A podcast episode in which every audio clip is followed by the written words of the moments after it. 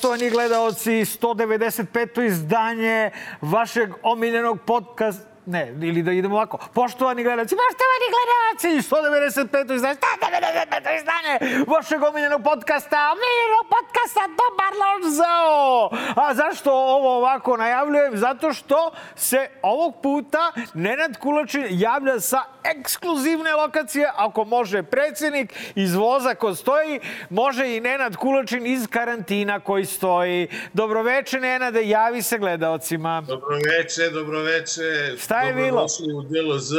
Evo mene, nema, nema lepšeg mesta za snimanje emisije nego biti kod kuće u karantinu, e, poluslomljen od e, korone i e, jednostavno nije bila šansa da se ovaka emisija propusti tako da, zahvaljujući novim tehnologijama i zahvaljujući svemu onome što smo Marko i ja do sada radili, mi smo sposobni da ovu emisiju radimo sa bilo koje ekskluzivne lokacije, u bilo kojoj varijanti, tako da obećavamo da nećete izgubiti ni jedan jedini, ono što se kredo, jednu tanku česti čišicu kvaliteta dobar loš zal. Tako, Mare? Ne da nećete izgubiti, nego ćete i dobiti, čućete Nenada kako kašlje kao magarac.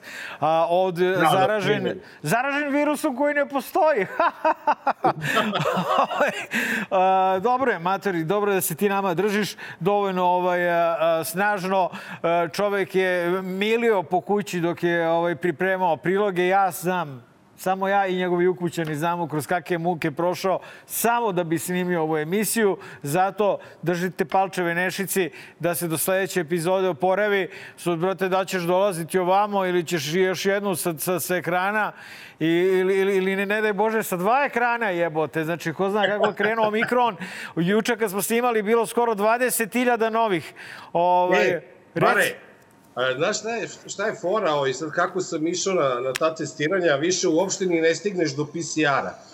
Pošto ovaj omikron, on uglavnom ostoji u nosu, znaš. Aha. I to se čuje i po govoru. Ovaj, I sve antigenski testovi ovaj, pokazuju pozitivan, pozitivan, pozitivan. Tako da štedimo malo državi na PCR-u i danas kad sam išao da vadim krv, eh, sedmoro ljudi čekalo rezultate i svih sedmoro je ovaj pozitivno, što mi kažu tamo u toj laboratoriji da otprilike 70% pregledanih je i zaraženo. Dakle, rekordi se obaraju, a kako drugačije u državi koja obara sve rekorde, zašto ne bismo oborili ovaj, po tome smo već i poznati čoveče. Ovaj, pa, ajde da krenemo, Burazeru moj, šta, da te ne ali, mučimo. Šta, ali da ti kaže, Mare, nije ovaj omikron ništa naspram e, težnji i, i namera uh, belosvetskih sila i hoštaplera da nam ponovo ubiju predsednika. Nije im dosta što su ga do sada ubili ne znam koliko puta, nego eto, hoće sad još jednom Nenade, ne, ovaj put je, ali ovaj put je stvarno. Stvarno, a? Ovaj put je stvarno. Ajde kad ti kažeš tako, ajde da ti vojram. Ali hoću nešto što je sad mnogo važnije, imam sveže informacije. Iz veoma pouzdanih izvora da je Vučić u veoma teškoj životnoj situaciji. Kako to mislite? Njemu preti likvidacija, ubistvo. I to u prvoj polovini februara. Kako vi to znate, gospodine? Ja sam to saznao, ja imam izvore. Prvo, reč je o Radoju Zviceru i Milu Đukanoviću. Nakon što smo posredstvom Evropola, koristeći službene, zvanične vidove, komunikacije između policija, dobili informaciju 14. januara pod oznakom hitno, informaciju koju smo dobili od pripadnika policije jedne zemlje, članice Evropske unije. Ministarstvo unutrašnjih poslova Republike Srbije je zvanično obavešteno o postojanju operativnih informacija, o postojanju i uspostavljanju organizovane kriminalne grupe sačinjene od državljana različitih zemalja, koja za svoj cilj ima ubistvo, atentat na predsednika Republike Srbije, Aleksandra Vučića. Ovaj, ovaj, e, vidi, jebote, ovaj, ladno smrdi buba na stolu. Čekaj. O, e, ludilo mozga. Dođi, dođi. Dođi bre. Čime nema, čime nema, odmah hoće da zauzmu mesto, a? Ovaj, čekaj da je dunem Ajde, beži, beži, beži mi sa stola. U stvari, ajde, neka, neka, neka šeta A po ne, stolu. pusti je, brate. Pustio se. Ovaj, brate, a, problem je veliki kada je reč o najavama atentata. A, to komentarisati. Jer naravno da sad svi, svi mi mislimo oni opet foliraju. Zato što smo do sada imali jedno 50 najava atentatara Vučića, a, pa onda i, i retroaktivnih najava atentata. Seti se samo retroaktivne najave atentata a, na otvaranju spomenika Stefanu Nemanji, a, koje je trebalo da izvrše isti oni koji su a, državnim organima govorili kako su oni zakopavali oružje u dogovoru sa po naredbi Aleksandra Vulina, koliko se sećam, da bi se fingirao atentat na Vučića. A, naravno, ni jedan atentat koji je planiran na, njego, na državu, to je on, ovaj, nikada nije dobio sudski, policijski, medijski, bilo kakav epilog. Dakle, ova, ova, uh, ova najava atentata je došla bukvalno dan pošto je ovaj, uh, uh, pošto je vlada Srbije bila primorana građanski primorana da ukine uredbu o prostornom planu za Jadar. Dakle, čoveku se nameće prirodno sumljar kada sto puta najavljuješ atentat na sebe, sto prvi put ćeš opet reći ovo je opet laž. Ali pošto je to jedna vrlo kvarna taktika, po, verovatno najpokvarenija taktika koju Führer koristi, osim kada glumi da je bolestan. Znači, ne znam šta je odvratnije od te dve stvari. Da li kada glumi da je zanemoćao pa ga tri dana nema, onda se pojavi posle tri dana debeo, zdravi i prav, razumeš, nije mu ništa. Ili, a, a mi smo ono, znaš, u fazonu malaže stoka, brate, smrdljiva, ali opet, znaš, nek, nekako humanost, neka elementarna ti ne da zbog jednog procenta verovatnoće da je to istina, da, da, da, da, da tako komentarišeš vesti o njegovom zdravlju. I što važi i za atentat. Šta, brate, ti znaš da je on bio u talu sa tim Zvicerom. Znaš ti da je on, brate, jedan od vođa kavačkog klana. Šta ako je kavački klan popizdao na njega? Znaš i sam iz narkosa, kad takvi popizde drugari jedni na druge, šta može da se desi? Ajde, reci. Na, naravno, zato što je to jedino, jedino uh, o, priprema, uh, prizivanje atentata od Zvicera i ekipe je njihovo uh, posredno priznanje da su sa Zvicerom bili u, u šemi, jer ti ljudi ne ubijaju nekoga zato što je on zato što on pravi autoputeve, brze pruge, kupuje vozove, otvara fabrike i tako dalje, nego rade te stvari zato što su se zamerili jedni drugima u poslu, e, zabranili neki posao, utisali da neki ukrali nešto, oteli nešto i tako dalje. Ono što je meni zanimljivo, e, prva stvar, to je da e, primetio si da je prvo, e, i to je ono što baca senku na celu ovu priču, i to bi stvarno ovi kreatori javnog mnjenja iz predsjedništva Srbije mogli malo da povedu računa da bi bili ozbiljnije shvaćeni u budućnosti,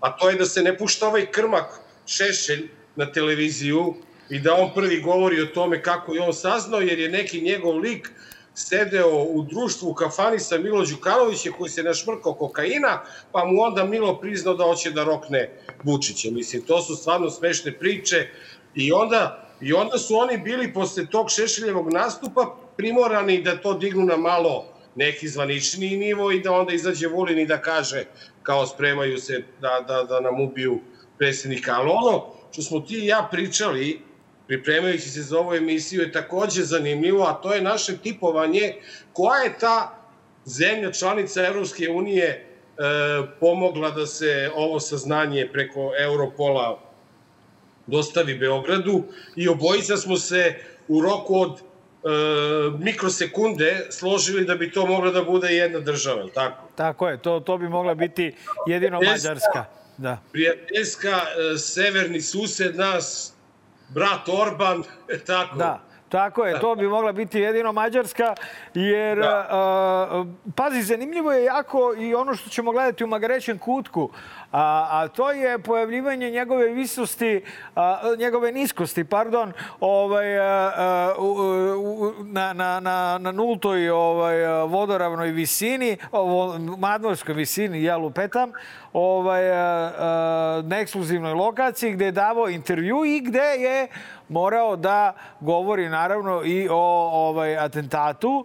A, pošto se uz vesti pominje Europol, pošto se pominje Evropska unija, ako slučajno vest nije verodostojna, ja verujem da je on popio ovaj, e, jednu šakom po dupetu, kako bi on volao da kaže, od te iste Evropske unije, te o tom atentatu Bukvalno jedva da je bilo reči u tom spektakularnom intervjuu u vozu koji stoji, koji simbolizuje Srbiju. Ovaj, da. On je pričao kako on, On se je nije... samo teo da otaljiga, kao, ajde, ajde na drugu temu, ajde da pričamo o ovome, ajde, samo je teo da što pre, što pre skloni. On, Jer je njegov on zaključak da je...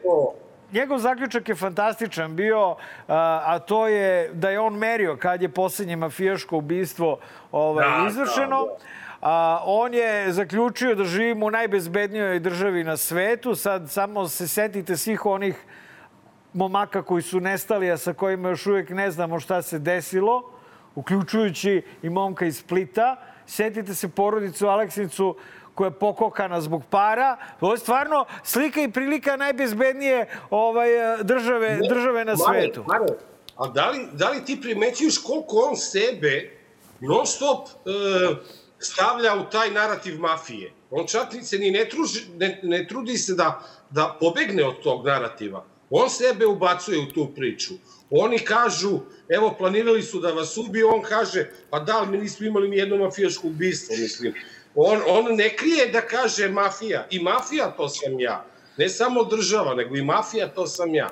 Tako da, da meni ove priče opet, znači sve ono što Vučić unazad mesec dana, ajde da tako kažemo, radi, pa nadalje, to je sve u e, formi izborne kampanje njegove za izbore, jer prvi put od kada je on na vlasti e, nije sve tako e, fino i tako na njegovu stranu kao što on je navikao da bude. Prema tome, ovaj, mi naravno da se radi o još jednom nestvarnom pokušaju ubistvu, kao što se Mare, ako se slažeš da pređemo na sledeću temu. Čekaj, čekaj, čekaj, čekaj. Samo evo, znači, da glasamo. Ajde da glasamo. Ti si, znači, ti ne veruješ da je ovo, ovaj, a, evo glasa, referendum, da ili ne. Da li je ovo pravi, a, prava priprema atentata na Vučića? Da ili ne? Da bome da ne. Dobro, i ja glasam za ne. Konstatujem, što bi rekla njegova niskost, konstatujem da smo jednoglasno utvrdili da je i ovog puta isfoliran, ovaj, pripre, pri- isfolirana priprema napada na Vučića. Ako se nešto desi, mi se izvinjavamo. Jebi ga, pogrešno, pogrešno smo procenili. A ti si matori kriv, jebi ga, valjda si Pa čitao onu priču. ljudi. Jel on čitao onu priču, onaj dečak što je vikao Vuk, Vučić, Vučić. Vikao Vučić, je. Vučić, si, si, siluje me Vučić i oni dođe ono celo selo da, da, da nabije Vučića na ražanj, a ono videli klinac se zajebav. I onda, onda opet, znate vi gledalci, znate vi gledalci tu priču. I onda je došao mali kaže, o ja, Vučić, Vučić, došao Vučić da me siluje. I onda oni došao celo selo, tu da mu jebemo majku. A oni, oni, a oni vidi mali se zajebavao. Treći put, brate, mali sedi, čuva ovce, kad eto ti ga Vučić. I on ga, dođi, dođi, dođi mali ovamo, dođi se štiti, ti, dođi, a, mali, a, Vučić me siluje, a, Vučić, a ono selo kaže, bre, to onaj mali stalno laže i mali, brate, dobije svoje, Vučić odradi posao, zapalio u šumu i tako vam to ide, zna i Vučić tu priču, prema tome nemoj matori se čudiš što mi sumnjamo, jebi ga, kada Šešelj Mare. i, i, pa, i Vulin koji se kliberi na istoj toj konferenciji za, za novinare, pa i Čale pričaju o atentatu kao nečemu što je istina, a mi mislimo da nije. Mare, U ostalom, ako se nešto, ne daj Bože, desi, uvek možemo se vadimo na moju koronu, tako da... Evo šta se vadimo, evo, evo izvadio sam se na priču dečak koji viču je Viko Vučić. To je poznata narodna priča, jebote, šta se vadimo? da, da, Rekli da. smo ćemo se izviniti, ako ga neko ucmeka ili proba se ucmeka, jebi ga, izvini, brate, ali sam si kriv. Izvini, Vučko, Svi smo, smo mi brate. krivi, jebi ga, znaš, sad, Mi smo znali da Toliko to- da puta ne- smo brinuli, jebo, toliko puta smo brinuli, štrecali se da mu se nešto ne desi, jebote, znaš, da kao postane dosadno posle 50. puta. Ajde, najavi drugi prilog.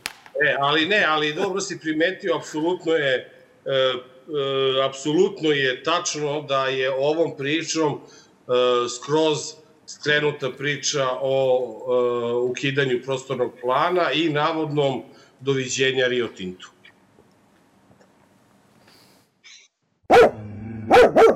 Gotovo je. I svi zahtevi su ispunjeni. Savo Manojlović, pored toga što ne govori istinu, dakle, rekli bi da je lažov, je očigledno i nepismen. Dakle, to je to što se tiče gospodina Miloševića. Neka se javi, pomoći ćemo... Manojlović. Manojlović, izvinite, molim vas. Manojlovića, uh, nemam reči kojima bih opisala licemerje stranaca koji finansiraju ove organizacije i ove proteste. Zato što i meni kao predsjednici vlade i članici Srpske napredne stranke dosta da sve to ide preko leđa Aleksandra Vučića i da mislite da ćete uvek moći da finansirate nešto čime ćete njega oslabiti, da kažem ponovo, či- čime ćete njemu slomiti kičmu, ja neću da učestvujem više u tome. E, dobro. Ovaj, pošto je rekla da neće da učestvuje, odmah je popila i šljagu da se ne seti više dva puta da ovaj, lupeta ovake stvari. Odmah je usledilo zajedničko saopštenje ambasada SAD, Velike Britanije i Nemačke. A, ove tri pa reći ćemo najjače zemlje zapada su a, složno rekle da a, naravno da ne o, one ne plaćaju nikakve proteste i nemoj da vam se ponovi da lupetate takav stranja, bedni, glupi, smrdljivi, ovaj, a, a kako, e, ro, a, ne robovi, ne, ko, ko, ko, o, ko, iskolonizirani Srbi. Šta? Šta zabagova ti ko čale je? A, pa i kad, brate, kad gledam Čaleta, onda razumeš, ovaj, moram, a mora neko baguje, brate, kad ti tu samo sediš na ekranu. Ovaj, a, obično si ti taj. A, znaš šta, a, fora je u tome da a, je država priznala da je odustala od Rio Tinta privremeno zbog pritiska građana. Znači, niko iz države nije rekao da, štetno je kopanje litijuma i bora, da, štetno je razjebavati životnu sredinu, da, želimo našoj državi sve najbolje. Ne, nego su je ona, brate, rekla onaj Savo Milošević, kako je budala. Je.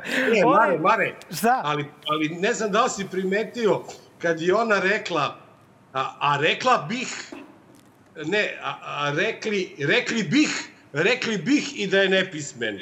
Pa eto vidiš, znači ona, ona o sebi razmišlja u množini. Dobro. bih i da je nepismen. Znači, Ovaj, ona je... o, e, I, brate, ona pominje Savu Miloševića kao organizatora kao organizatora protesta i onda još pominje najjače zemlje sveta koje plaćaju te proteste. I onda jedna mala država, jedna mala premijerka, jedan mali predsednik ne mogu tome da se odupru i onda su morali da odlože ovaj, celu pizdariju sa litijumom A- a a, za posle izbora. Tako, tako vidim da svi kažu. Niko živ ne misli da su oni ovo trajno ovaj, Ali ne, u- ali zaustavili. pazi, Mare, oni, e, oni ljudi su i Francuska e, i Velika Britanija i Nemačka i Amerika su zainteresovane za taj litijum.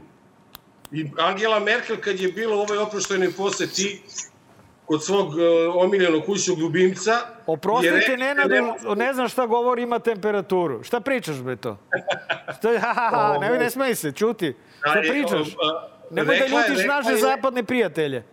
Rekla je da, da je zainteresovana za Nemačka, da je zainteresovana za uh, lignit u Srbiji. Otvoreno je rekla tu u Beogradu na Za pitanje litijum, novinara. ne za lignit, bre, čoveče. Litijum, bre, kakav Dragi lignit gledalci, je... možete da vidite šta korona radi mozgu. Da, da. Znam nekoliko takvih slučajeva. Evo, pogledaj ga. Smeje se ko ludna brašna.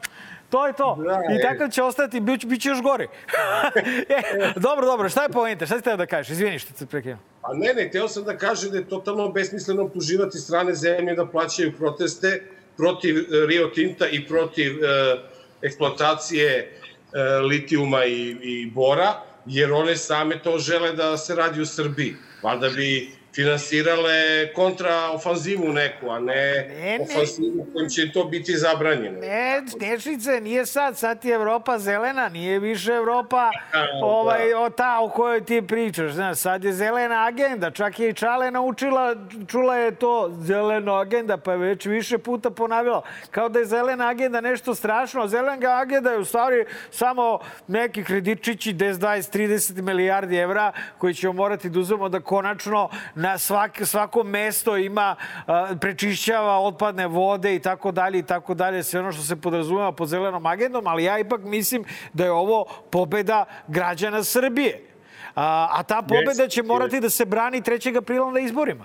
To je, to je najvažnija stvar. I onda eto, eto kako se sve to lepo nacrta, ovaj, mislim, ajde, ajde opet referendumsko pitanje, kao i, i, i, i malo pre. Da li ti veruješ da je Rio Tinto stvarno otišao iz Srbije? Ne! A ti? Ne. Ne. Ne. Dragi gledalci? Pa, hoćeš ti sada, ajde, ajde ti proglasi ovaj, e, zvanične rezultate referenduma. A zvanični rezultati referenduma DLZ po pitanju da li je Rio Tinto otišao iz Srbije, na pitanje da, odgovorilo je 100%, e, ljudi koji su glasali na, pita, na pitanje e, da li je Rio Tinto stvarno otišao, odgovor ne je dobio 100%, a odgovor da nula. Tako da je, konstatujem, pobedilo ne na ovom našem drugom referendumu Izvini, večerašnjem. brate, što se smejem, ali, ali ovaj, malo je i smešno, ali samo da znate, korona napada nervni sistem, inače Nenad Brljavi i ovo je sada, brate, totalni hit. I ovi koji nisu nosili maske u studiju su stavili maske, jer, brate, vidjet ćete, mislim, hoćete ovaki da da budete posle korone, a? Neće, neće niko ovakav da bude. Da idemo dalje. Ne, a da, dalje, kada smo kod dalje, to će eto biti naše možda i treće referendumsko pitanje. Jo.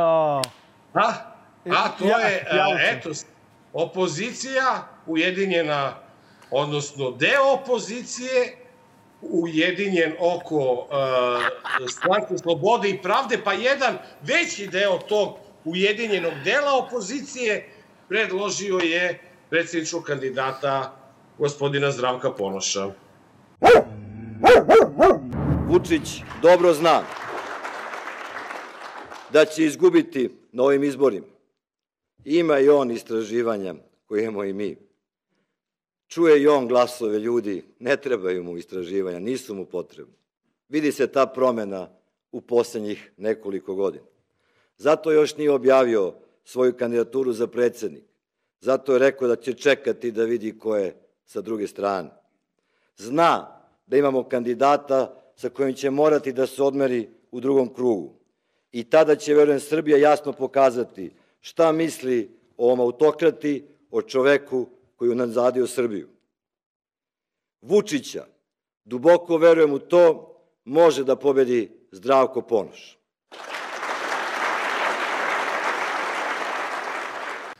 Čak je i tamo bio kilav aplauz.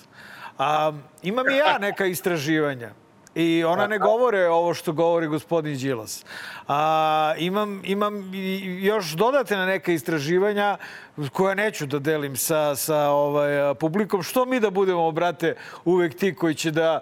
Ovaj, bolje da ne znate kakva su istraživanja, ali ajde. A, u svakom slučaju, po tim istraživanjima ovaj, a, Zdravko Ponoš, evo ga, brate, bubica obrnula krug.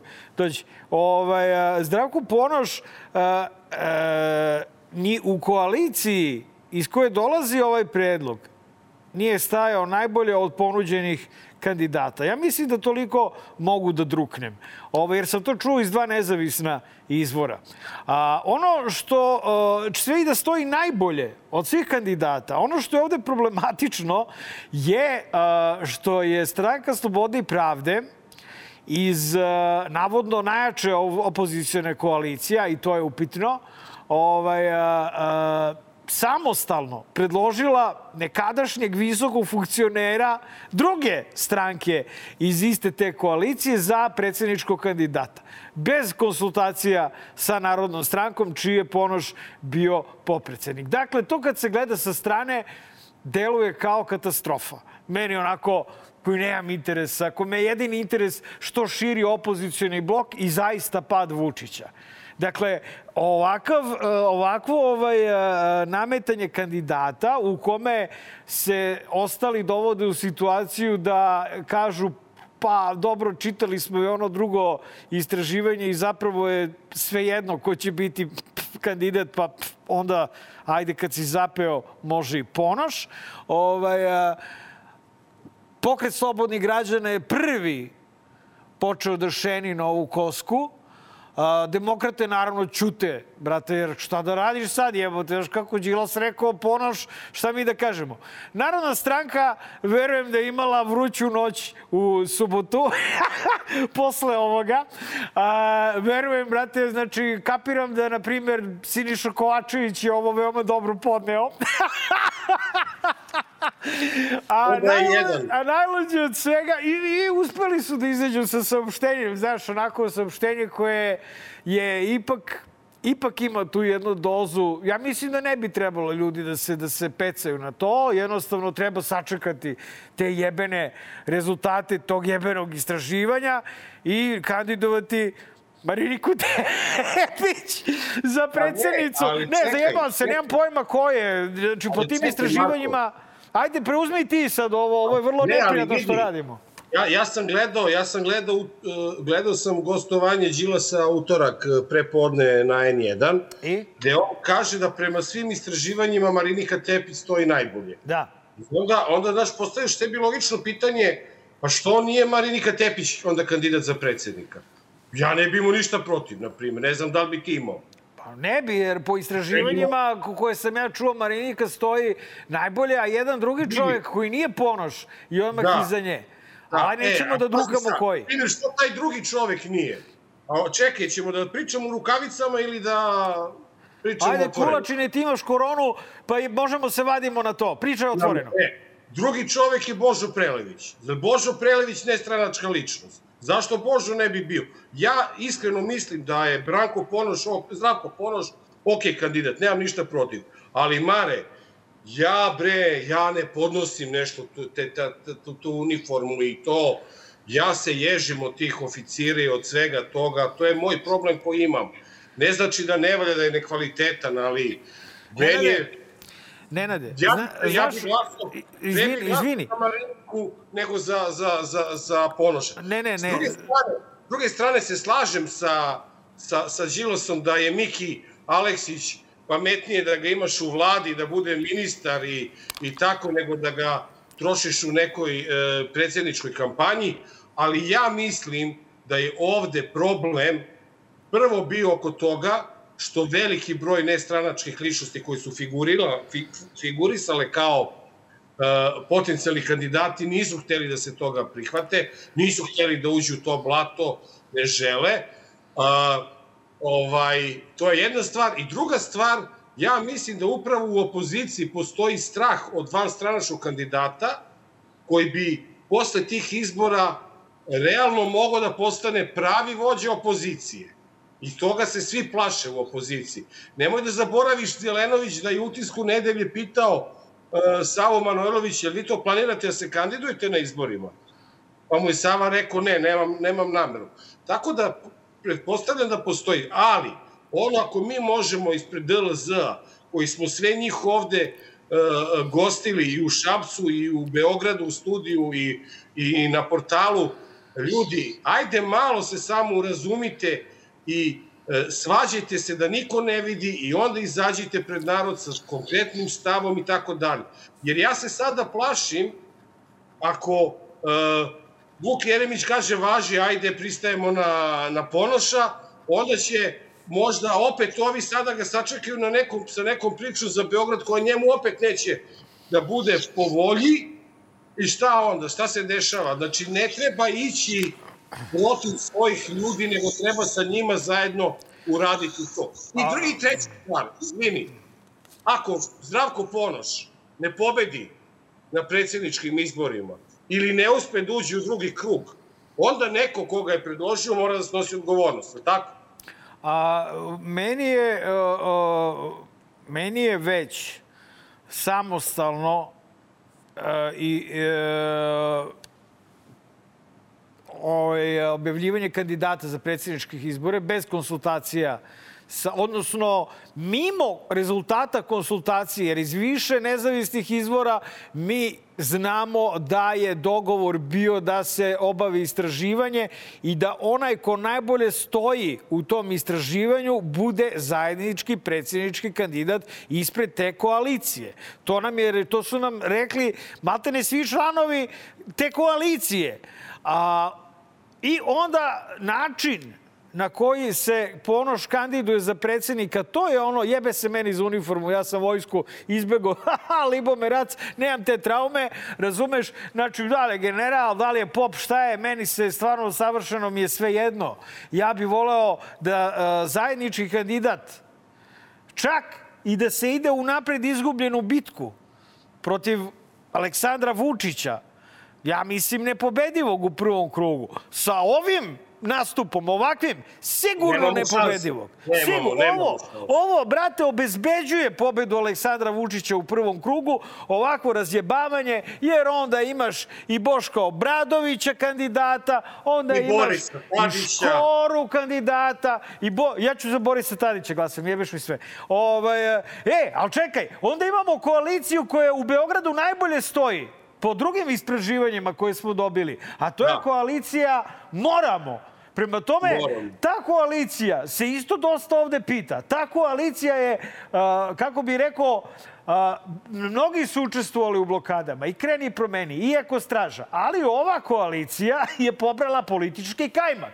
To Da, mora da, se je. prizna. Prema tome, ta koalicija, zahvaljujući uspehu blokada, teranju Rio Tinta, iscimavanju žešćem, uspela je da, dakle, pokupi kajmak politički i ta koalicija, bojim se da se sada dosta pita.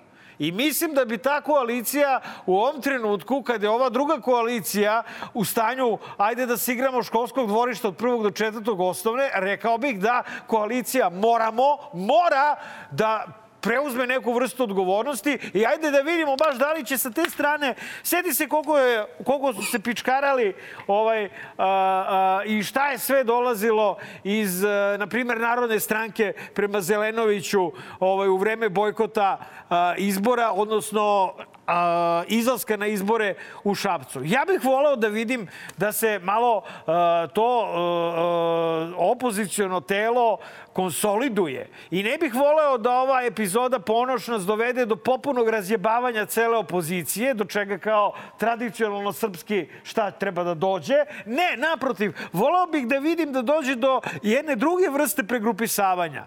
Dakle, ajde da vidimo ko može da se dogovori. Što veći blok da se napravi i dalje. Nije, otvaraju ti se vrata, matori. Ovaj, došao, došao Vučić, brate. O, Pronašli me na ekskluzivnoj lokaciji. Je. e, dakle, e, to je problem. Ono što je meni jedini problem, nemam nikakav problem sa Ponošem, ako je Narodna stranka izašla sa Miroslavom Aleksićem isto bez ikakvog dogovora i sa tim imam problem, dakle, znači, Ne, naravno. bilo je šta problem- što je, što je izlazi... Nije dogovoreno na, način, na normalan način koji će nas birače da ubedi da su oni normalni i da je njima stalo da pobede Vučića. Nenade jebote, i ti i ja smo pro forme u toj koaliciji, iako smo zamrznuli svoje članstvo jer se bavimo ovaj, novinarstvom, mi smo u Skupštini Slobodne Srbije. I ti i ja smo u govnima, brate, tim. Da se tako izrazim. Pa nemam ja šta da budem bre u, tim, u, u tome, zato, mislim, ja sam rekao svoj stav, znaš, šta Skupština Pa i ja sam Slobodne rekao svoj Srbije- stav, evo. Vidi, Skupština Slobodne Srbije je jedno kvalitetno udruženje i skup ljudi gde različita mišljenja cirkulišu. I ja sam siguran da veliki deo Skupštine upravo razmišlja na način na koji, koji ti i ja razmišljamo. Znači, što se grbo rodi, život ne ispravi. To je i Pa gotovo. čekaj, nema- šta fali, bre? Zašto šta fali koaliciji Đilas Jeremić? Što se to grbo rodilo? U čemu je tu problem? Ne, da li tu... ako ste- čekaj, ako- stari, ako- ne, ne, ne. Nenade, da li ti To se misliš... grbo rodi, a složit ćeš se da kandidat za predsjednika nije nije baš... A misliš Ponoš je grborođen? Pa to ti kažem. Ja, jest, jest grborođen. Pa, to ti Činjenica. Čim nismo čuli jebi ga oduševljenje sa svih strana i rekli, e, to je taj, jebote, za- ja bi za Mariniku i levom i desnom rukom, brate. Marinika Ma je taj brate, kandidat. mislim, Ali ne, mi smo, mi smo na toj konferenciji za to novinare Ponoša čuli... nisam video na ulicama. Ja Ponoša nisam video da je izbacio jednu temu kao problem. Marinika danas kaže, e, Đilas juče je rekao da 25% ljudi ocenjuje Mariniku sa četvorkom i peticom i da su drugi ispod nje. Pa što Marinika nam nije kandidat? Ajde da čujem da neko kaže bilo ko, sem Boška Obradovića koji gusla, sad se seti u 21. veku da gusla, da, da li ima neko sa te e, prozapadne, proevropske opozicije, da li ima nešto protiv Marinike Tepić? Pa naravno da nema niko ništa. A, slušaj, dakle, Nenade, evo, dajde da razgovaramo kao dva E, odrasla... ajde, ajde referendum. Ajde Ne, referendum. ne, ali ne, ne, ali ne, ne, pre toga. Pre toga, ajde da spustimo sad malo i, i ovaj, da napravimo jedan istorijski, isto, istorijski iskorak. Ma, Razgo, naravno, razgovaramo kao dva punoletna čoveka, dva novinara sa, dugo, sa, sa dugim stažom, a, koja očigledno racionalizuju bolje od e, političara iz samozvano najveće i najjače opozicione koalicije. Dakle, jedna od dve stvari je ovde prisutna. Znači, ili oni nisu normalni, znači imaju neki problem psi- psihičke ili, ili socijalne prirode, ne znam šta, ili neko od njih radi za Vučića. Ja ne znam, brate, eto to, ali o tome mi ne možemo da pravimo referendum, ali to je ono što se meni, nažalost, nameće. Znači, svaka, svaki iskorak iz jedinstva opozicije direktno ide na ruku Aleksandru Vučiću. Ja se Pritom, bojim da, Marko, Marko, brate, Marko, uopšte ne možemo da pričamo o pojmu jedinstvene opozicije, jer to ne postoji. pa čak evo iz ove koalicije, ajde da pričamo Pa samo na nivou znači, deo koalicije. Jer vidi, ne mogu ja da ne kažem da Boris Tadić nije opozicija, da Škoro nije opozicija, da, da, da, da Zelenović e, i Ne dajmo Beograd nisu opozicija. Ja to ne mogu da kažem. Da Boško Obradović, ja složit ćemo se, Boško je neka opozicija. A Boško Tako je na, pa jesmo, jesmo opozicija. Pa to ti ka... Znači, e, jednostavno deo ujedinjene opozicije, o tome moramo da pričamo. To je taj, to je to o čemu pričamo. Nije, e nije- sad, ni- da li je, da li je, ja, ja bi ovako rekao, ja bi, ja bi, da sam na njihovom mestu, ja bih sad okrenuo telefonom i rekao, ljudi, ajde dok ne rešimo ovaj problem narednih pet dana, ga rešavamo i završavamo i niko se ne obraća medijima. Pa ne, pa oni će razjebati Nenade u narednih pet dana celu koaliciju, bre. Pa znam, toga se plašim. Pa če, pa... Onda nema ni Beograda. Onda nema ni Beograda. Pa to ti pričam, jebote! Sve vreme pričamo o tome da su ovi izbori u stvari bitka za Beograd. Da onaj koji će da trči predsjedničku trku očigledno trči u napred izgubljenu trku. Ako, premije, ako ovih uh, parlamentarnih izbora bude, tu će odneti opet apsolutnu većinu ovi govnari, razumeš, sa Pa, SPS-om. Tako je. Znači, trčimo trku za Beograd. Znači, I šta, moramo treba- da je trčimo treba da ujedinjeni. bude- Treba prvi put u istoriji Beograda vam gradonačelnik bude neki Šupić. Pa daj, molim te. Ne, ne, nikako. Dakle, čekaj, referendumsko pitanje glasi, da li Nenade ti je ovaj Zdravko Ponoš dobar kandidat opozicioni za a, predsjednika Srbije? Da ili ne? E, prazan listić. Prazan listić? Moj odgovor je ne. Ovaj, dakle, e, konstatujem da je većinom od jednog glasa ne utvrđeno da e, emisiji Dobar loš za... Ne, ne, Mare, to je opet 100%. Da, izvini. Utvrđujemo jedan listić To je nevažeći listić. Šta si na Beli listić si bio. Konačno i ti A, da, da. budiš, konačno i ti prava stvar da budeš jebo. Evo mene ponovo guraju, jebeš mi, jebeš mi sve. Ako ne bude bio Beli listić posle ovakvog ponašanja opozicije. Zato molim da Markovi Dojković ne krene u Beli listić kampanju. Molim vas, ujedinite se, urazumite se i sad više ne molim koaliciju a, Narodna stranka, SSP, gra, ovaj, Građanski savjet, G, PSG, a, Lule, brate. Gde Lule? Gde su demokrate jebote? Lule odbio ovaj, da bude a, kandidat za gradonačelnika. Ajde, pa imamo mi ja svog kandidata, bit će nam gost pre za pet minuta jebote. Ovaj, dakle, sredite se jebote, razumeš? Nemoj da počinjamo, brate, u našu braću i saborce da sumnjamo da rade za Vučića, a vi ste u stvari samo nenormalni. Budite malo normalni. Evo, hoćeš da listam novine ja? E, listaj ti novine, a ja ću da uživam slušajući Ok, te, pošto dakle, nemam. da samo najavim sledeće, dakle, dragi gledalci, nešto će morati da odmori, pošto staro hvala ti, brate, dobar si bio skoro, skoro bolji nego ovaj u studiju. ovaj, e, e, dakle, e, nešto će da odmori prvi deo intervjua, da bi se, da bi se vratio svež odmoran. A ja ću kao da dam melodiju. Ajde sviraj, ajde sviraj, a ja ću da, da, da, da listam. Nova novine. Do kraja nedelje rasplet ili ponoš ili kraj koalicije. To smo sad upravo raspravili mi. Španska serija, opet atentat. Nova novine. Nova novine, idioti kompletni, rekao sam Jankovića za gradonačelnika. Ko je pominjao Lauru Kovesi, uh, karikatura našeg druga Duleta Petričića? Cena ruskog gasa je cena dela srpskog suvereniteta, kaže Mihajl Hordog, Horo, Hodorkovski, pardon, pardon, Nova novine. Nova novine, Zorana tuži Grčića, a zapravo tuži Vučićića. Danas novine. Vučić sa 100 evra plaća jednog po jednog birača. Danas novine. Kratak spoj između Đilasa i Jeremića, karikatura sa sisatim ma- Bulinom, Zoranom Mihajlović, Majom Gojković i Vučićem, koji verovatno ima najveći sisa, ali njih nema na ovoj Koraksovu karijat- karikaturi. SNS je od atentata pravi. Pa Vlada, sviraj bre, nemoj da me slušaš. Ne čujem te. Tako. Tačka za na Rio Tinto po znakom pitanja, ajde. Danas u Rio Tinto je izborno gašenje požara i malo da vas prcnemo. Australijski sud u nezbranom grožđu zbog Đokovića. Ste se uznemirili sad. Zakon kršili i vlada Srbije i Milorad Grčić. Dakle, dve najbolje novine na kioscima danas. Nova novina, Nenad Kulačin sa koronom, tandrče na gitare u, na ekskluzivnoj lokaciji. Ovo je bio prvi deo Dobar loš zao 195. izdanja. 40 minuta jebote. Ovo, E, ali dobro, počeli da se smo ranije, baš nas briga. Završili smo reklame. Idemo na intervju! Dobar. Loš. Zao. Poštovana publiko, 195. izdanje podcasta Dobar loš zao. Nenad Kulačin ima COVID-19. Ne znamo tačno koju varijantu. Reći ćemo o Mikron Delta Florina. A, sada je trenutno na odmoru da bi se pripremio za magareći kutak. A naš gost, ponovo, uvaženi arhitekta, moramo na kačketu, moramo u životu, moramo na majici, Dragoljub Bakić.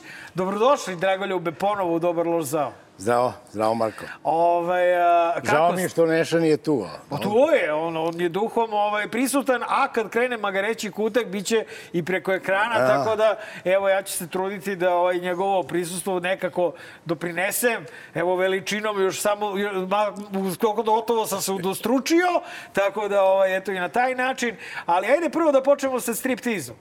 Ajde, ja, da vidimo ovaj, šta imate ispod te majice. A, imam ovo što je bilo pre toga. Aha, Ovo je bilo, Rio Tinto marš iz Srbije. ovo je ekološki ustanak. Aha, do- a sad? A danas, danas je potpisana Juče, mislim, Koalicija. kad smo snimali emisiju. da, da bome. Ovaj, nova koalicija Moramo, u Da. kojoj su platforma, građanska otvorena platforma Akcija, Zelen, Zelenovićeva, Ne davimo Beograd i Ćutina družina Ekološki ustanak. E, Dragoljube, ovaj, i kako moramo a, gleda na a, kandidaturu a, Zdraka Ponoša ispred Dragana Đilasa? Ne znam kako gleda Moramo, ali Kako ja vi- mogu da kažem kako ja gledam. Evo, ajde, može. Ja mislim da su nama važni beogradski i republički izbori. I još ima vremena da mi to razdvojimo. Da insistiramo da se razdvoje izbori i da prvo budu beogradski. To je kako ja mislim. Ja lično bi potpuno ignorisao predsedničke izbore. Kogod hoće može da bude predsednik. Ako se dobije parlament i dobije se Beograd ili veliki gradovi, Beograd i većinu u parlamentu, onda predsednik može da bude kogod hoće. Ne moramo da mu znamo ni ime ni prezime. Možda ostane isti predsednik. Ako ga uvedete u ustavna ovlašćenja.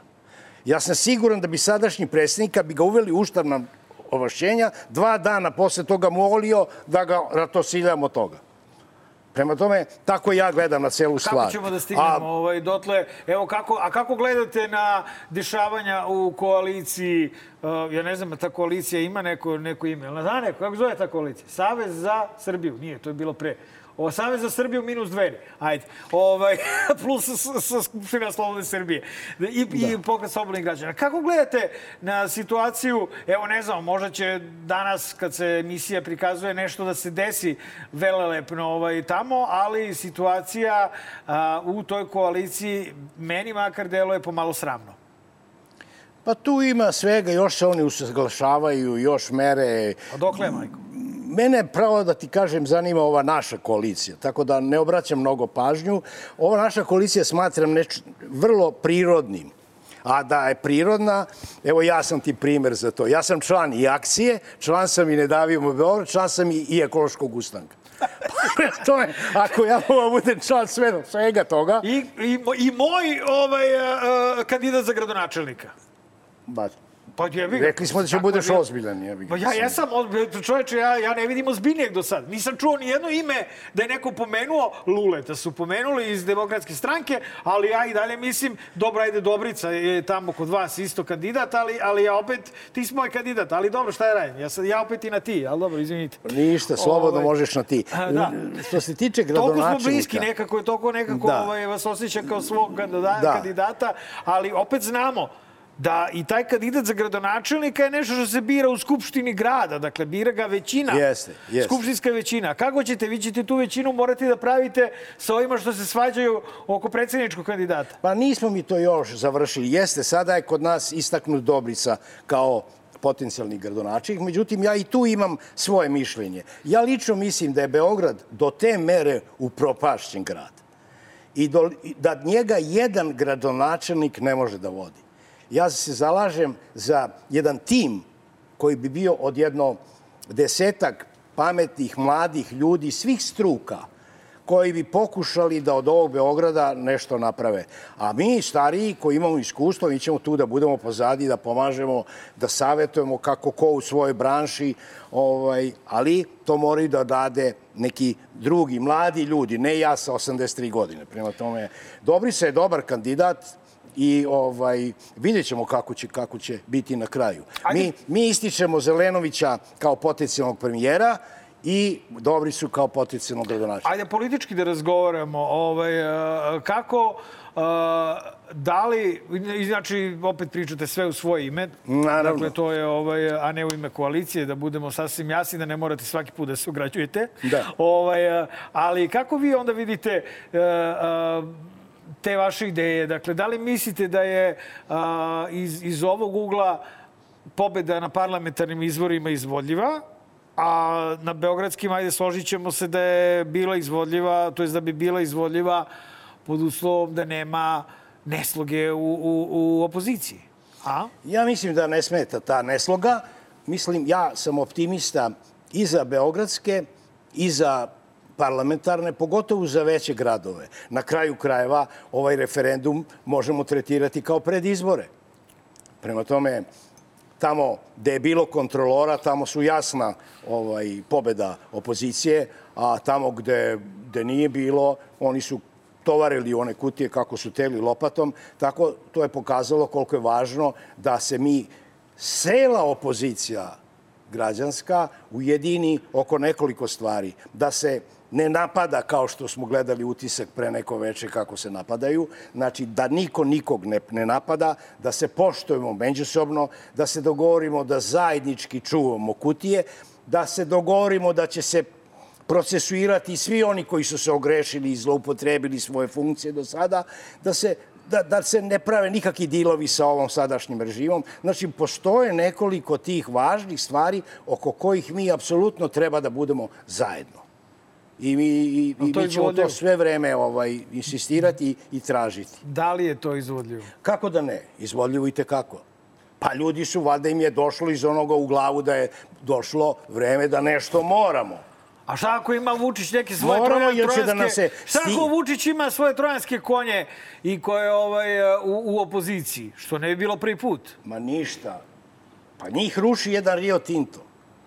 Njih ruši u suštini jedan Rio Tinto. Jel vidiš šta rade sa Rio Tintom? Jel vidiš kako ustuknu? Jel vidiš ti, on ode tamo u nedeljice, pa mu onaj moj, onaj moj ispisnik mu kaže, u lice ga gleda, pa mu kaže, slušaj ti, ja sam za tebe glasao, ali ja znam da moje ne dam.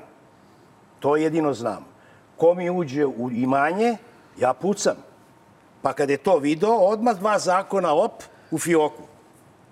Ovaj, I da vam čestitam na tome, vi ste bili redovni redovni ste i dalje. Znači, ono, kako dovolje neki protest, vi ćete vidjeti gospodina Bakića, brate, kako juriša sa brkovima, onako ostrešenim i sa zastavom na kojoj će sad pisati moramo. Ovaj, čestitam na toj velikoj pobedi, zaista. A, I a, kako komentarišete a, situaciju oko iskopavanja a, litijuma i bora u Srbiji? Dakle, nije samo Rio Tinto zainteresovan, svako malo iskače po neki Rudnikčić ili još neka korporacija koja nalazi a, te vredne a, e, hemijske elemente svuda, unakolo po Srbiji, ne samo u Jadru i Rađevini. Dakle, kako komentarišete situaciju ako kojim slučajem, a ja se bojim tog slučaja, a, većinu u parlamentu posle izbora bude imao aktualnu režim?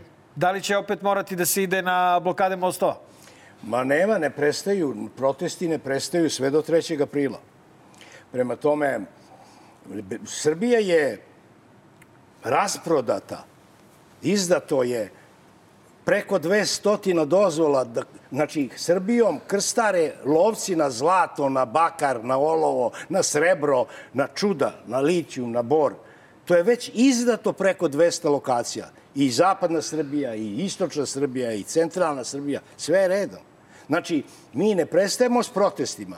Nama sleduje homolje, gde tamo tehnologijom nekom cijanida treba da ekstrahuju zlato iz rude i takve gluposti. Pa onda šta da kažemo o Zrenjaninu? Pa šta da kažemo o Ling Longu koji je mali Rio Tinto i tekako koncentrisan u sred Banata. Znači mi imamo, a da ne govorim Beograd i Makiš. Prema tome oni su sad, vidiš ti, ovaj, kada je pre nekoliko dana premijerka rekla, i to kako je rekla, arogantno, gotovo. I upravo ovako, gotovo. Šta bre, ženo, gotovo? Jel znate vi ko je Rio Tinto? Jel treba da se kaže, mi raskidamo prostorni plan, ali do njega je došlo tako, a on proizvodi sledeće, da objasni građanima ko je Rio Tinto. A ne da prikaže kako je to njihova politička odluka. Mi smo bili na ulici, mi smo kvazi ekolozi, mi smo falš, falsifikat ekolozi, mi imamo političku agendu, oni doneli političku odluku, tek sad će da nas tuže. Ne možeš ti političkom odlukom da oteraš jednu kompaniju koja je tu 18 godina, uložila pola milijarde, vredna sama kao firma 150 milijardi i ti kažeš gotovo. A šta je rešenje umesto toga? Mora da im se kaže da su oni štetočine i da su oni napravili štetu i da oni moraju da plate štetu i da zato što su štetočine mi njih jurimo iz Srbije. Jer pazi, postoji taj krovni sporazum, takozvani bilateral investment treaty, to znači zaštićene investicije, između Velike Britanije i Srbije. To znači štitim investicije, ali ne štitim trovače.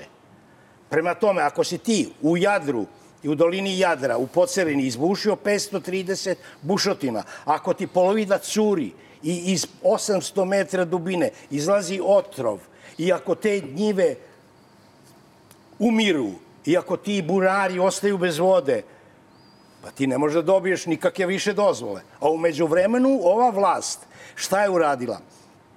Promenila zakon o rudarstvu, proglasila litijum kao strateški materijal, sve u korist Rio Tinta.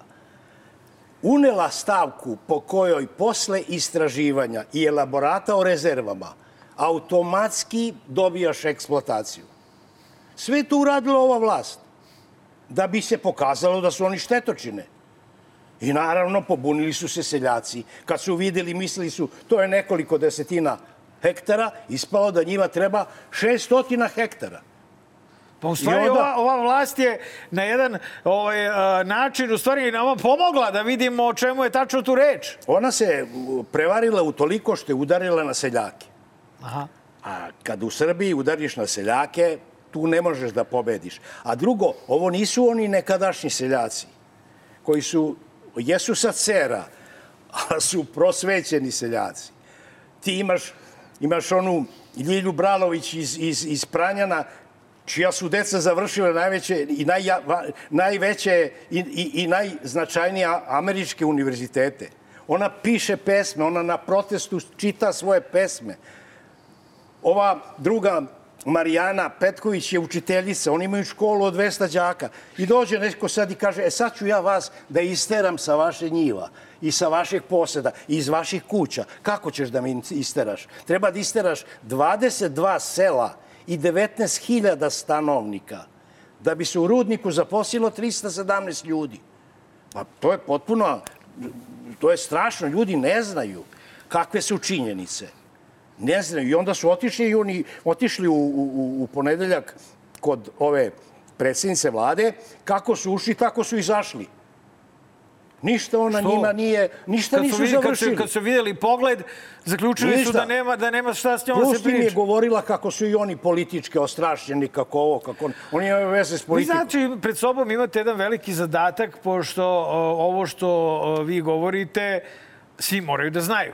Svi Trebalo u bi ovoj da zemlji znaju. bi morali da znaju. Ako slušaju dosta, ovaj dobar loš za, oni će da Ma ne saznaju. sluša, ko sluša dobar Ne loš zao. Mi smo samo jedan mali podcast koji stigne do 150-200 hiljada ljudi ako, bude, ako, ako su dobro raspoloženi te nedelje.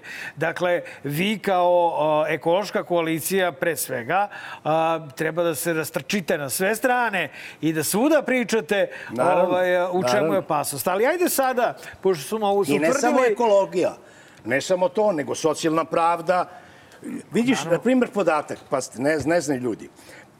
Prošle godine, zadnji kvartal, u prometu stanova potrošeno 2 milijarde eura. Pa modu popra, mora se peru pare. ali to nisu, Pa, ali to ne kupuju ljudi Pa ko- koji rešavaju pa moraju krov nad pare da se peru od valjanja kokaina, druže Znači, moj. moramo malo da preraspodelu izvršimo. Ma nije to, to, to, Mora to, preraspodela tu lovu mi nećemo nikad videti. Moćemo, To su ricepa od, od, od ovoga i od onoga. Nisu to te, sve Kad, te kad nekretnine. vidimo i to... leđa ovima i te kako ćemo E preraspodelu. dobro, onda kako im vidimo leđa, onda će da se peva druga pesma. Da, da. Ali dajde da vidimo ako. Znači videli smo na seljaka su udarili i seljak im uzvratio.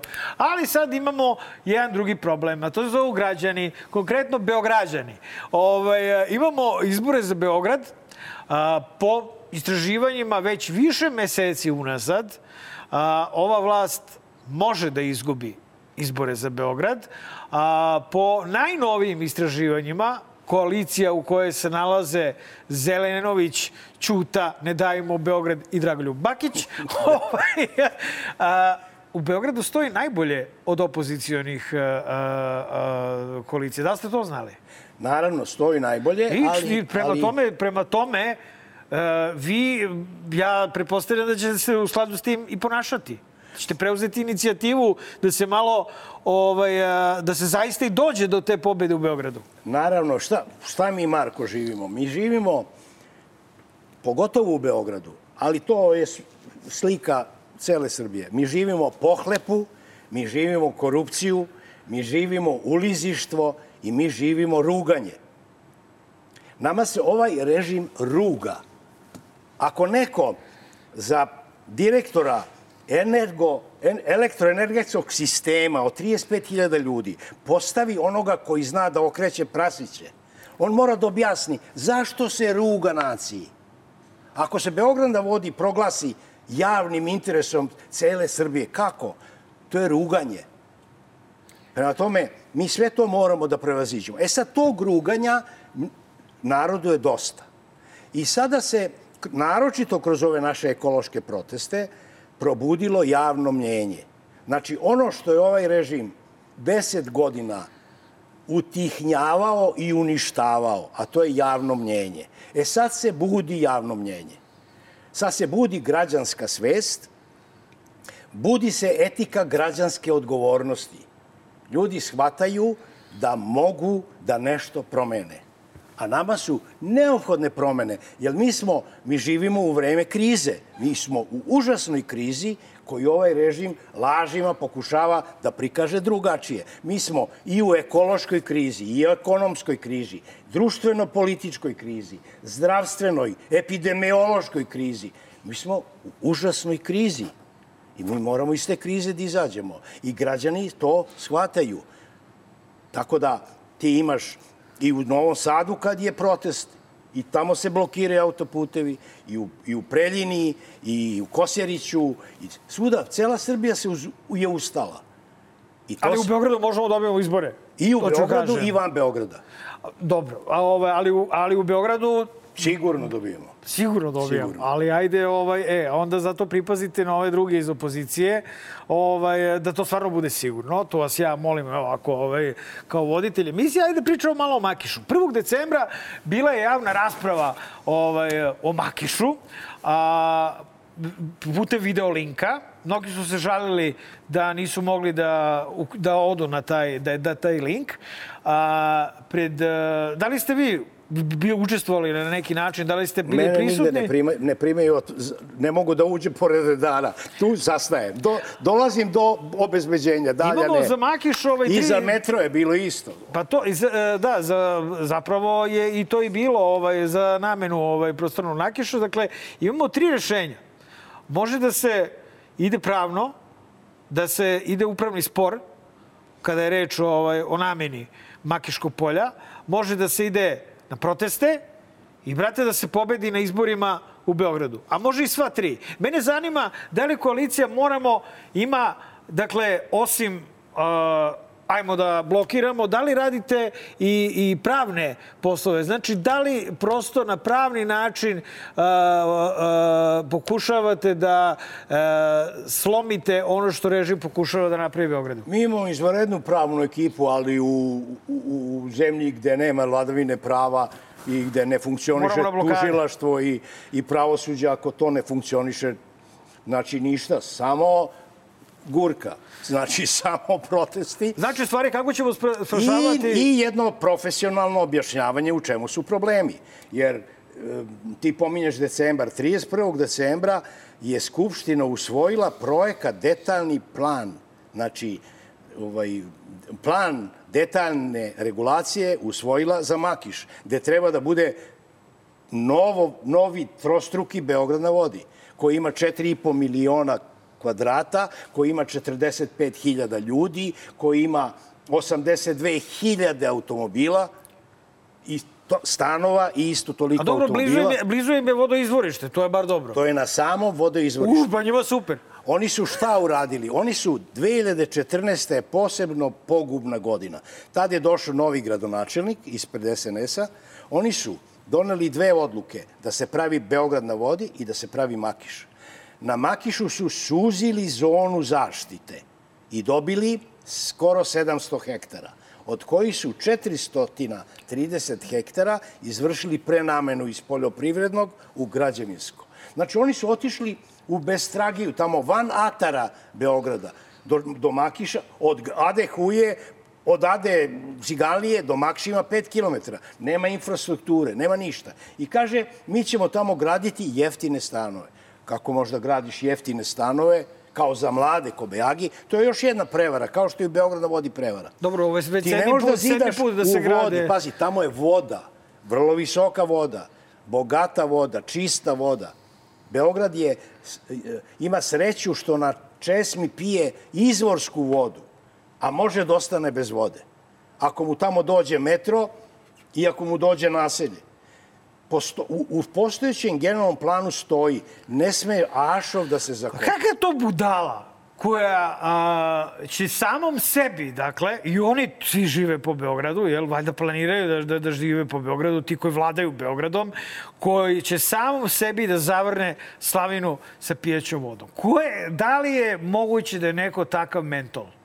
Zato mi, zato moramo počinje sa ma- marš, marševima do Makiša, da marširamo do Makiša i da spasavamo šta se spasti može. Znači, kao što se sada ovaj plan prostorne, ovaj plan, prostorni plan za Jadar poništava, tako će morati da ponište i detaljni plan za Makiš, za to naselje, jer bi to bilo strašno. Da ti u, u, u, na jedinom beogradskom izvorištu ti praviš naselje. Svako gradilište je kontaminirani teren. Tu kaplje rđa, kap, tu je cement, tu su aditivi, tu su mineralne vudne, tu su motorna ulja. Sve to prolazi kroz zemlju. I kad ti to zagadi, a drugo, tamo ne može da se gradi bez šipova od 40 metara dubine. Jer 30 metara su razne vrste i granulacije šljunka, a onda tek nastaje krečačka solidna stena. Znači ti ako bi teo da praviš bilo kakve kuće na Makišu, ti moraš da imaš šipove od 40 metara. Znači, možemo da zaključimo, dobar loš zao je i pred prošle beogradske izbore govorio ljudi, ovo je prava bitka za Beograd, ako ovi dobiju još četiri godine, a, od ovog grada neće ostati ništa. Tako se, nažalost, i desilo. Ali sada, valjda i Beograđani to vide. Pa naravno da vide, naravno da vide. Onda imaš tu Jeste da smo mi, da, da mi gledamo malo dalje u budućnost. Meni nije jasno kako Beograđani već posle četiri beo, e, godine a, vlasti SNS-a nisu to vidjeli, ali sada smo bogatiji za jednu opozicijonu moramo kolonu. Imamo ovu drugu opozicijonu kolonu, nadajmo se će se sabrati. A ovaj, u krajnjoj liniji imamo građane koji su, nadam se, rešeni da odbrane svoj grad i da im nadam se, jasno kakvi manijaci, ludaci, kriminalci, budale upravljaju glavnim gradom ove zemlje i pred nama je ovaj, a, a, ozbiljna bitka koju možemo da dobijemo, što je najbitnije. Naravno, naravno, i kad pogledaš ko se sve skupljao... Koju moramo da autoputu- dobijemo, da tako kažem. Moramo, naravno, moramo, naravno. E, idemo na pitanje sa Twittera, a, baš zgodno pitanje, moja omiljena tema. A, Arleta kaže, da li postoji opcija da se reši Beograd na vodi posle odlaska ove vlasti ili nam je suđen zaovek? Koje su nam opcije? Moja omiljena tema, Beograd na vodi, ja bi to sve srušio. I to, to je moje neko rešenje i viđenje. I Nisam čuo slično rešenje. A ja bih rekao drugog. da nam je suđen za večito i da nema druga opcija nego da to ostane. Stvarno. E sad, ko živi tamo? Ja često, kad god uđem u taksi, ja pitam taksistu, jesi ti nekad narko- vozio narkomani- nekog na noj... tamo? Narkomani i zmije, zna se ko živi, to su prazne zgrade. E sad, to je jedna velika vrednost, to ne sme da ostane prazno. Ima toliko mladih ljudi koji su nemaju Ma stan. da rušimo, bre, Ljube, daj da rušimo. Rušenje, to... Što? Nismo Šta mi fali? tako... Mi smo... Ma daj da rušimo, ej! Nismo mi dovoljno bogata zemlja da bi mogli... Pre svega, to su uložene milija, milijarde novca. More, užužimo još koje milionče srušimo. Čekaj prvo lep- da vidimo čije je to. A dobro i to jest. A, ovaj, a kako vam se čini ova, ja sam, ja sam verovao da makar to neće da ovaj, iskoči ova kulčina, odnosno kula Beograd, neke zovu kulčina. A, vidjeli smo da je direktor kompanije koja je to dizala uhapšen, jel, ko bi rekao, bavio se pranjem novca, a u, baš smo se iznenadili. Ovaj, kako vam se ona dopada? Kao kruna Beograda na vodi. Jel možemo makar to da srušimo? Ajde. Ja mislim da ona možda i opasna se nakrivi na neku stranu, padne nekom na glavu. Ili na gazelu da se nakrivi, padne. Znaš šta, celo to tamo na tom mestu je pogrešno. Bilo šta da bude tako visoko, višlje od tri sprata. Ali ako me pitaš kakav mi se dopada kula kao arhitektura, ona će jedino ličiti na nešto. Ono sve drugo ne liči Ma ni meni na ono što. odvratno. Ovo je projektovao, to je bio konkurs velikih firmi, to je neki Skidmore, Ovin, Merrill, jedna od najčuvenijih američkih firmi. se projektovala i to je dobar projekat kao projekat, ali je sve drugo pogrešno i što stoji na tom mestu i što je tolika i, i u- sve je tu pogrešno. Beograd na vodi je jedna prevara. A koga ćemo da turimo u kulo Beograda onda? Aj. 40 pratova, praznih će biti, kao To i će ovo tek ostalo. da bude, pazi, mi nismo uspeli, Beograd nije uspeo da održava Sava centar. Nije uspeo da održava Beograđanku. Propali su i istrulili. Tako će da istruli i Beograd na vodi. Pa Znaš šta znači? I sad su doneli odluku da sve zgrade mogu da budu 100 metara. Zamisli ti to. Znači, to su 30 spratova. I sad ti stojiš, pazi, ti stojiš na Česmi Terazijskoj, pored ulaza u Moskvu, hotel, i tu gde ti stojiš, to je kota 115 iznad morske visine. 115 metra iznad mora. a njihove krovne terase pre neki dan dopuštene da idu do 175. Znači, kad stojiš pored terazijske česme, još 60 metara će da bude onaj betonski blok od kuća koje su krajnja, konvencionalna, neinventivna arhitektura. Ovaj, ali evo sad ću pri, privatizujem pred sam kraj ovog dela ovaj, i da vas pitam, baš me zanima vaše mišljenje, ste vi uvaženi arhitekta. Meni se, na primjer, ona kula VS65 dopada. Ona mi je, na primjer, cool. Ona je lepa, ona, Ona plava na na, Novom Novom Beogradu. Beogradu, da. Što se sad završava. Na pra, da, na pravom, Da, da. na lepom je mestu, Da, da. lepo izgleda, plavi se onako iz daleka. Pa po Novom Beogradu i treba Pa budu... to, da je sve bilo na Novom Beogradu, ne bi se toliko da bunio. bome, da bome. Pa on je tako i projektovan. Pa i metro, kad je projektovan, onda su pored stanica na Novom Beogradu bile predviđene kule a ne da budu na prostoru koji je čuvan 50 godina, da bude kulturni centar Beograda, da siđe Beograd na Savu, da budu samo objekti kulture, univerziteti, tri sprata i sve u parku.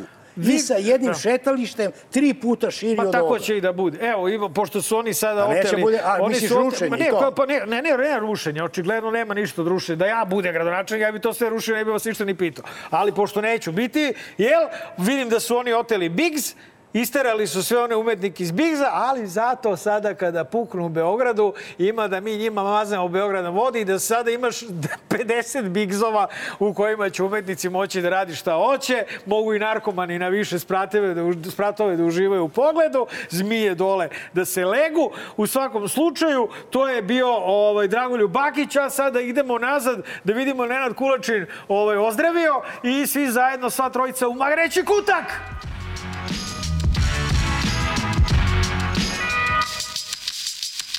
E, poštovani gledalci, još jednom sa ekskluzivne lokacije. Pozdrav svima vama. E, gospodin Dragoljub Bakić, naš uvek drago viđen gost u 195. izdanju. Dobar loš zao. Dragoljube, pozdravi od mene sa e, ekskluzivne lokacije. E, lokacija je statična kao i onaj voz e, u kome nam se predsjednik vozio i ajmo odmah da svi e, pozdravimo velikim aplauzom i razdraganim skrcima, dušom i telom to što smo postavili novi rekord u brzini e, vožnje vozom e, br- brzim prugama Srbije. Oborili smo oborili smo rekord 181 km na sat istorija Srbije Da, istorija ispisuje se sada. I uskoro od Beograda do Novog Sada vozom stizaće se za 25 minuta i to brzinom od 200 km na sat. mnogo sam srećan. Ovo je samo test. samo je test. It goes well It goes well. it goes well I think the... biće 200 sad kad sutra preko sutra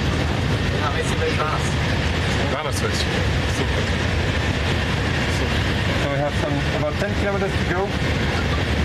Nenade, recimo, ovaj, kakav je to on rekord postavio? Pa ne, ovo je, on je sad sav usplahiren, video si ono sa rukama, ono njegovo, Ono onako. čuveno, kao- da. E, čuveno ovo, ono njegovo. A, kako je e, postignut rekord u brzini e, vožnje vozom u Srbiji 181 km na sat. Međutim, pošto majka srpskog istraživačkog novinarstva Google radi punom parom, sa dva, tri klika vi dođete u stvari do podatka da je e, zvanično e, najveća brzina voza na teritoriji bivše Jugoslavije, samim tim i u Srbiji, jel, bilo mašina, valjda Rade Končar, ili već kako bi se zvalo, ne znam tačno, nisam zapamtio, ali zapamtio sam podatak da je taj voz išao 186 km na sat. Što znači da je ovaj opet lagao, I nije problem, u toku dana je taj voz otišao 200 i postignut je novi rekord i tako dalje, ali ta potreba da se stalno laže, da kao Srbija od 2012. godine, da nije postojala, to je nešto, gospodine Bakiću, što strašno iritira. Da. Aj se ti krećeš ili stojiš u mestu? Ja, pa ja u skladu sa preporukama predsjednika stojim u mestu u brzom vozu. Da, a- Nije, on se O- kreće se brzinom planete. Eto, Ova, to to. ova, ova razdragana družina iz voza stiže za 25 minuta od Prokopa do Novog Sada. A da se izračeno i koliko im treba da stignu od Prokopa do Terazija? Pa dobro, malo Bez 35 minuta ne mogu. To, E, Dragoljubi, dakle, ajde da prokomentarišemo. Znaš, Nenade, da on ne voli baš duboko u politiku, ovaj, sad, znaš, da. Da. da, sad Vučića, da priča da je lažov i to, to ćemo mi, zna, zna se ko je za to zadužen. Ali mene, ali Dragoljub je idealna osoba da prokomentariše poziciju uh, železničke stanice, Prokop u Beogradu i poziciju nove autobuske stanice, uh, Buvljak. Ali ne, čekaj, Marko, samo ako mogu da ga pitam, Reci. a gde je, gde je u stvari danas željeznička stanica u Beogradu? Je li to Prokop ili je to Novi Beograd ili Topčide gde je bilo ranije? Gde sad ja ako hoću vozom da idem, gde idem? pa morat ćeš da prihvatiš Prokop. To, to, ti je, to ti je stanica. Nema druge Znači, stanice. znači, Prokop je definitivno postala nova stanica. Je, pa da, da. E, dobro. E sad, šta se desilo? Nije morala uopšte da bude sklonjena stara železnička stanica. I Beovoz i mnogo toga je moglo da ostane sa železničkom stanicom. Tako da, to je jedna od, od, od metastaza koje sam ja govorio da će se dešavati zbog Beograda na vodi.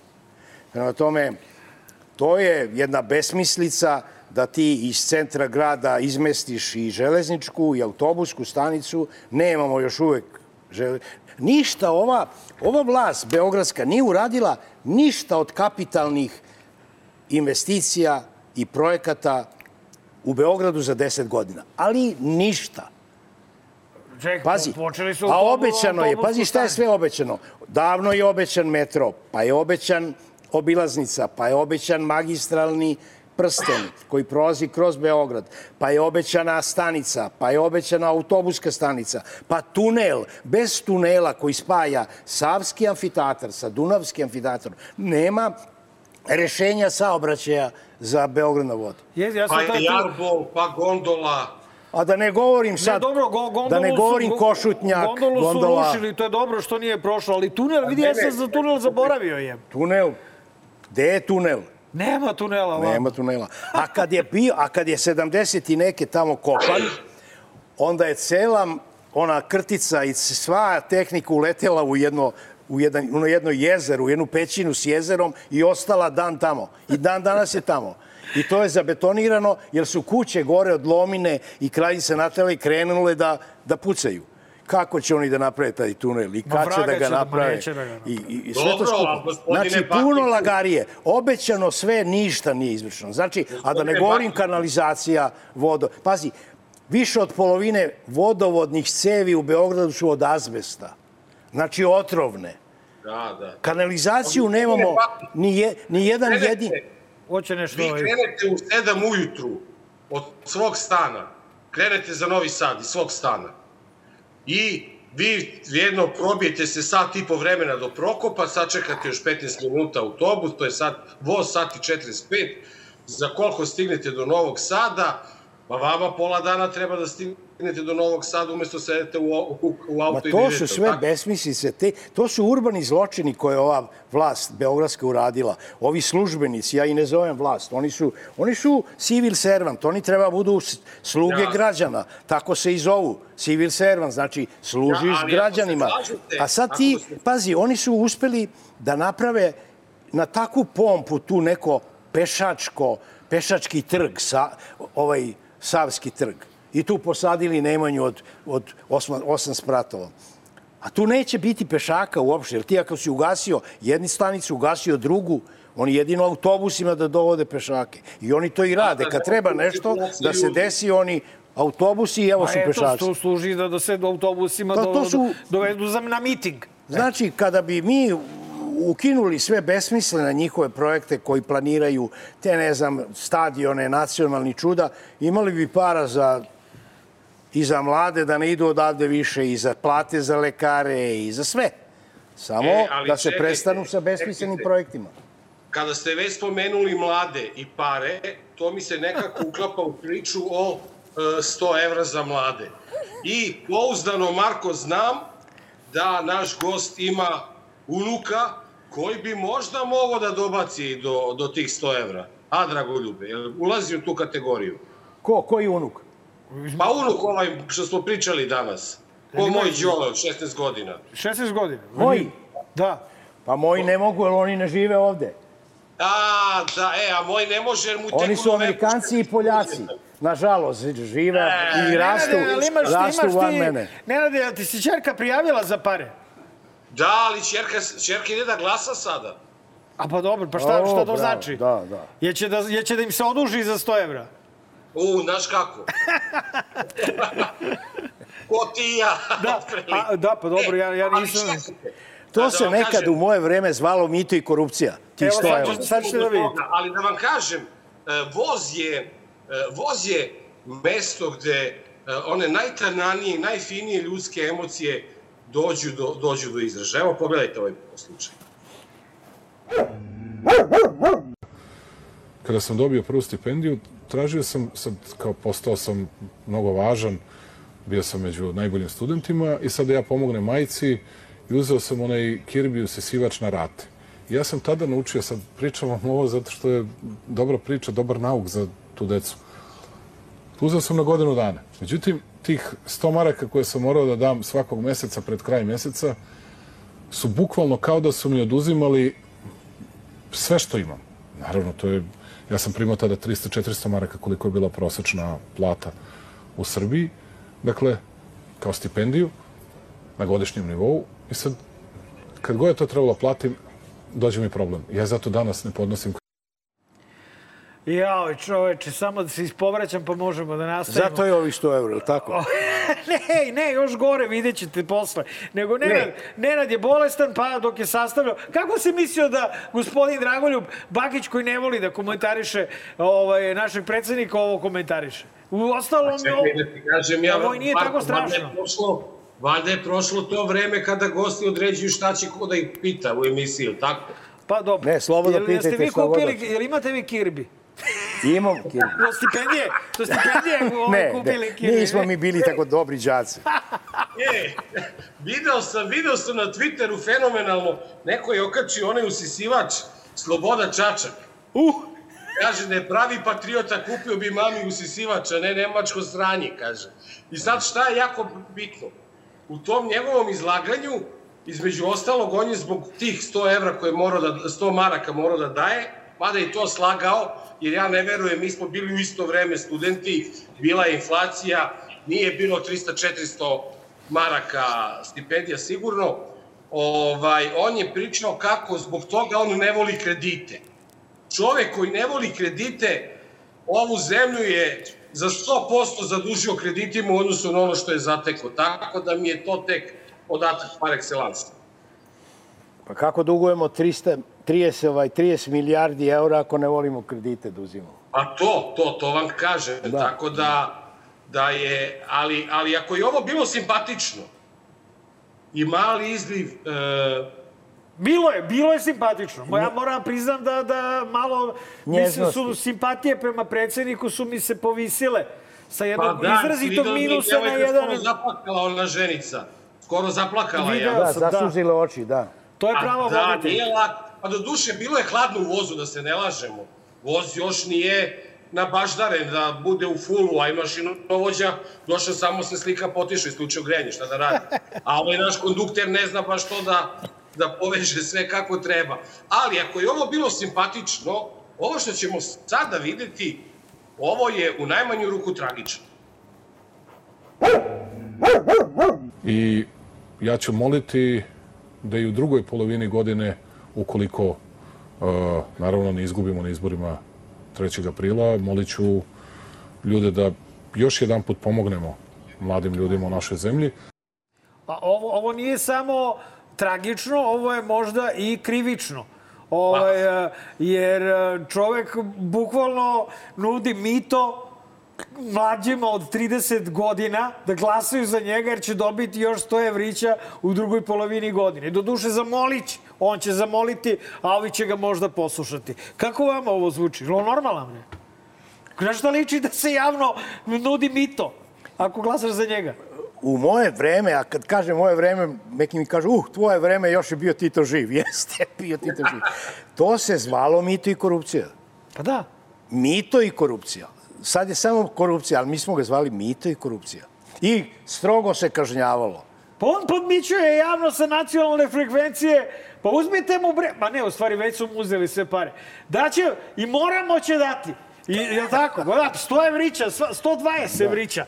Ovaj, e, svim klincima, pa, ako, mislim, ako padaju na te budalaštine, čoveče, ovaj, e, što je najgore, on će ni dati i dodatno će, ih, e, dodatno će nas zadužiti.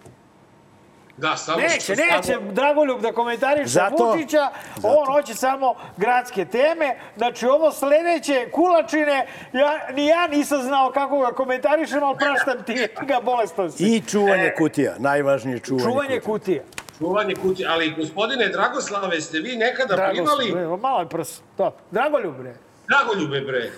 Dragoslavni i frize.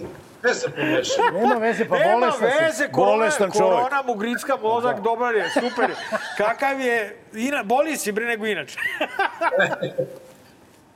Gospodine Bakiću, tako je sad kaži. najsigurnije, ali mi je stvarno, ja, toliko mi je drag ovaj gospodin da nekako ne mogu da ga zovem gospodine Bakiću. Najra, najradije bi mu rekao Brko, ali ne mogu. Sve kako hoćeš, kako hoćeš. E, ali gospodine Bakiću, e, jeste se vi nekada, jeste plivali nekada za taj bogojavljanski krst? Evo, čovjek je prso. Da sam plivo? Da. Da. Ma taman posla. Pa. Nisam ni ja. Ne verujem ja u to. E, Nenade, a zato jesi ti je plivao? sada U Srbiji, u Srbiji je sada uvedena nova disciplina.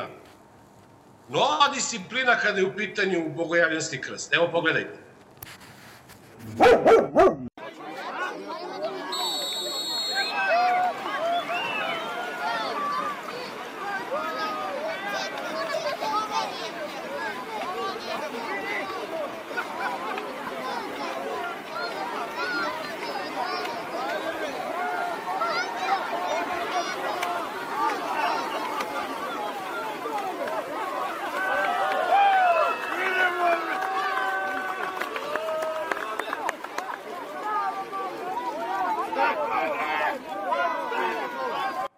A, dragi gledalci, ja ću da se izvinim ovaj, zbog e, možda vređanja nečih verskih osjećanja, jer ni ja nisam baš sasvim shvatio, a, znači, kod praznika a, bogojavljenje, to jest vodici, kako to, na primjer, makedonci kažu, gdje god ima neka voda, ti, brate, se po njoj praćakaš plivajući ili trčeći za krst. Šta, ovi, gde je ovo? Ovo? Ne znam, ovo je u Srbiji, u Srbiji, ali plitka voda, šta da rade Evo, ljudi? pa plitka voda, onda ljudi trče, seti se onih bugara. Nije to, Marko, nije to trčanje, to je trčanije. Dobro, neke i trčanije nemaju ljudi drugu vodu i, i njihovo je versko pravo da ako nemaju drugu vodu, šta će da radi? Neće da pliva po čaroni po vodi koja mu je do kolena. Nemoj se zabavati, Nenade. Jebote, njihovo... Seti se samo snimka onih bugara koji plivaju po, po, po bazenu puno blata, ovaj, e, isto za časni krst. Dakle, ovaj, Nenad ima, imao je temperaturu kad je ovaj prilog spremao, Nećemo ga komentarisati, nećemo komentarisati. nećemo. nećemo komentarisati ovaj prilog. Vaše pravo da, da, da plivate po krst časni, naravno, ja ne vidim ništa sporno. Jebi ga, nemaju ljudi dublju vodu, šta će? Nema, nema svako ovaj, a, a, reku koja mu ulazi u sve podrume kao, kao Beograđani što imaju dve. Ovaj, e, tako da, ovi su plivali, to je trčali, izvini, dotrčali do krsta, jedan pobedio, rekao mu svaka čast, posle išli jeli, pili, preslavili ljudi verski praznik. Šta sad, mislim, kakve veze ima?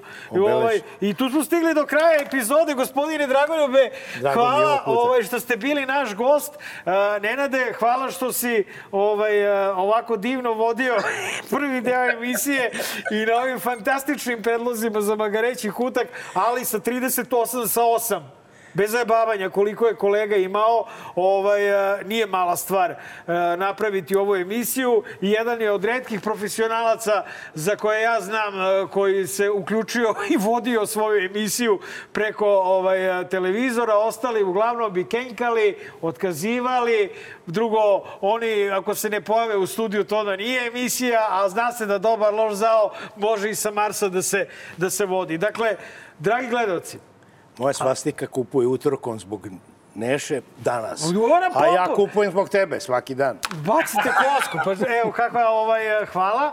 A, a, E, Mare, Reci, brate. Mare, tamo ja da kažem, e, izvući ćemo se ljudi, ne brinite ništa, sve će biti kako treba. A, e, Ej, Nenade, da Nenade, ostavim- Nenade, o, a jesi, jesi, jesi ti nekad možda plivao za krst? Ne, ne. A dobro, ostali smo dužni, jer mi smo rekli jedan i drugi, rekao, možda, Ne, ti, ne, ne, nisam, možda si ti plivao, pa zato ovaj, si stavio ovaj poslednji prilog, a izgleda da nisi ni ti. Dobro. Nisam, Ajde, odjavi, pa ću ja laku noć. Ne, ne, ja samo hoću da kažem, e, hvala vam što ste i, i o, ovih sat i po vremena proveli sa nama. Bilo je stvarno veliko zadovoljstvo e, raditi ovu epizodu i nije bilo šanse da se propusti. Pobedit ćemo koronu, pobedit ćemo i, i, i svo zlo koje nas je okružuje, izvući ćemo se, a Mare, tebe prepuštam da uživaš u čarima konferenciji za štampu Srpske napredne stranke. A, dakle, moramo da pobedimo. A, I, e, dragi gledalci, a, još jedna ovaj, a, a, umirujuća u stvari slika. Nema ništa a, lepše od kamerne atmosfere potpuno prazne sale, a to je upravo ono što ćete da vidite ne računajući Orlića za laku noć. Laku noć! Vidimo se za nedelju dana. Izvolite ako vi imate neki pitanje.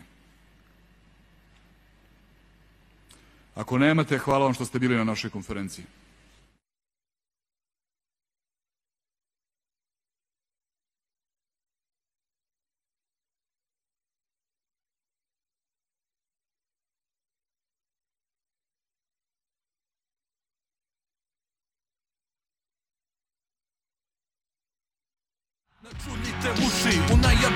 Pobeda Kada uzme majk, znanje da propovedam Napušavam odreda, svak fake Goveda što veličaju lovu.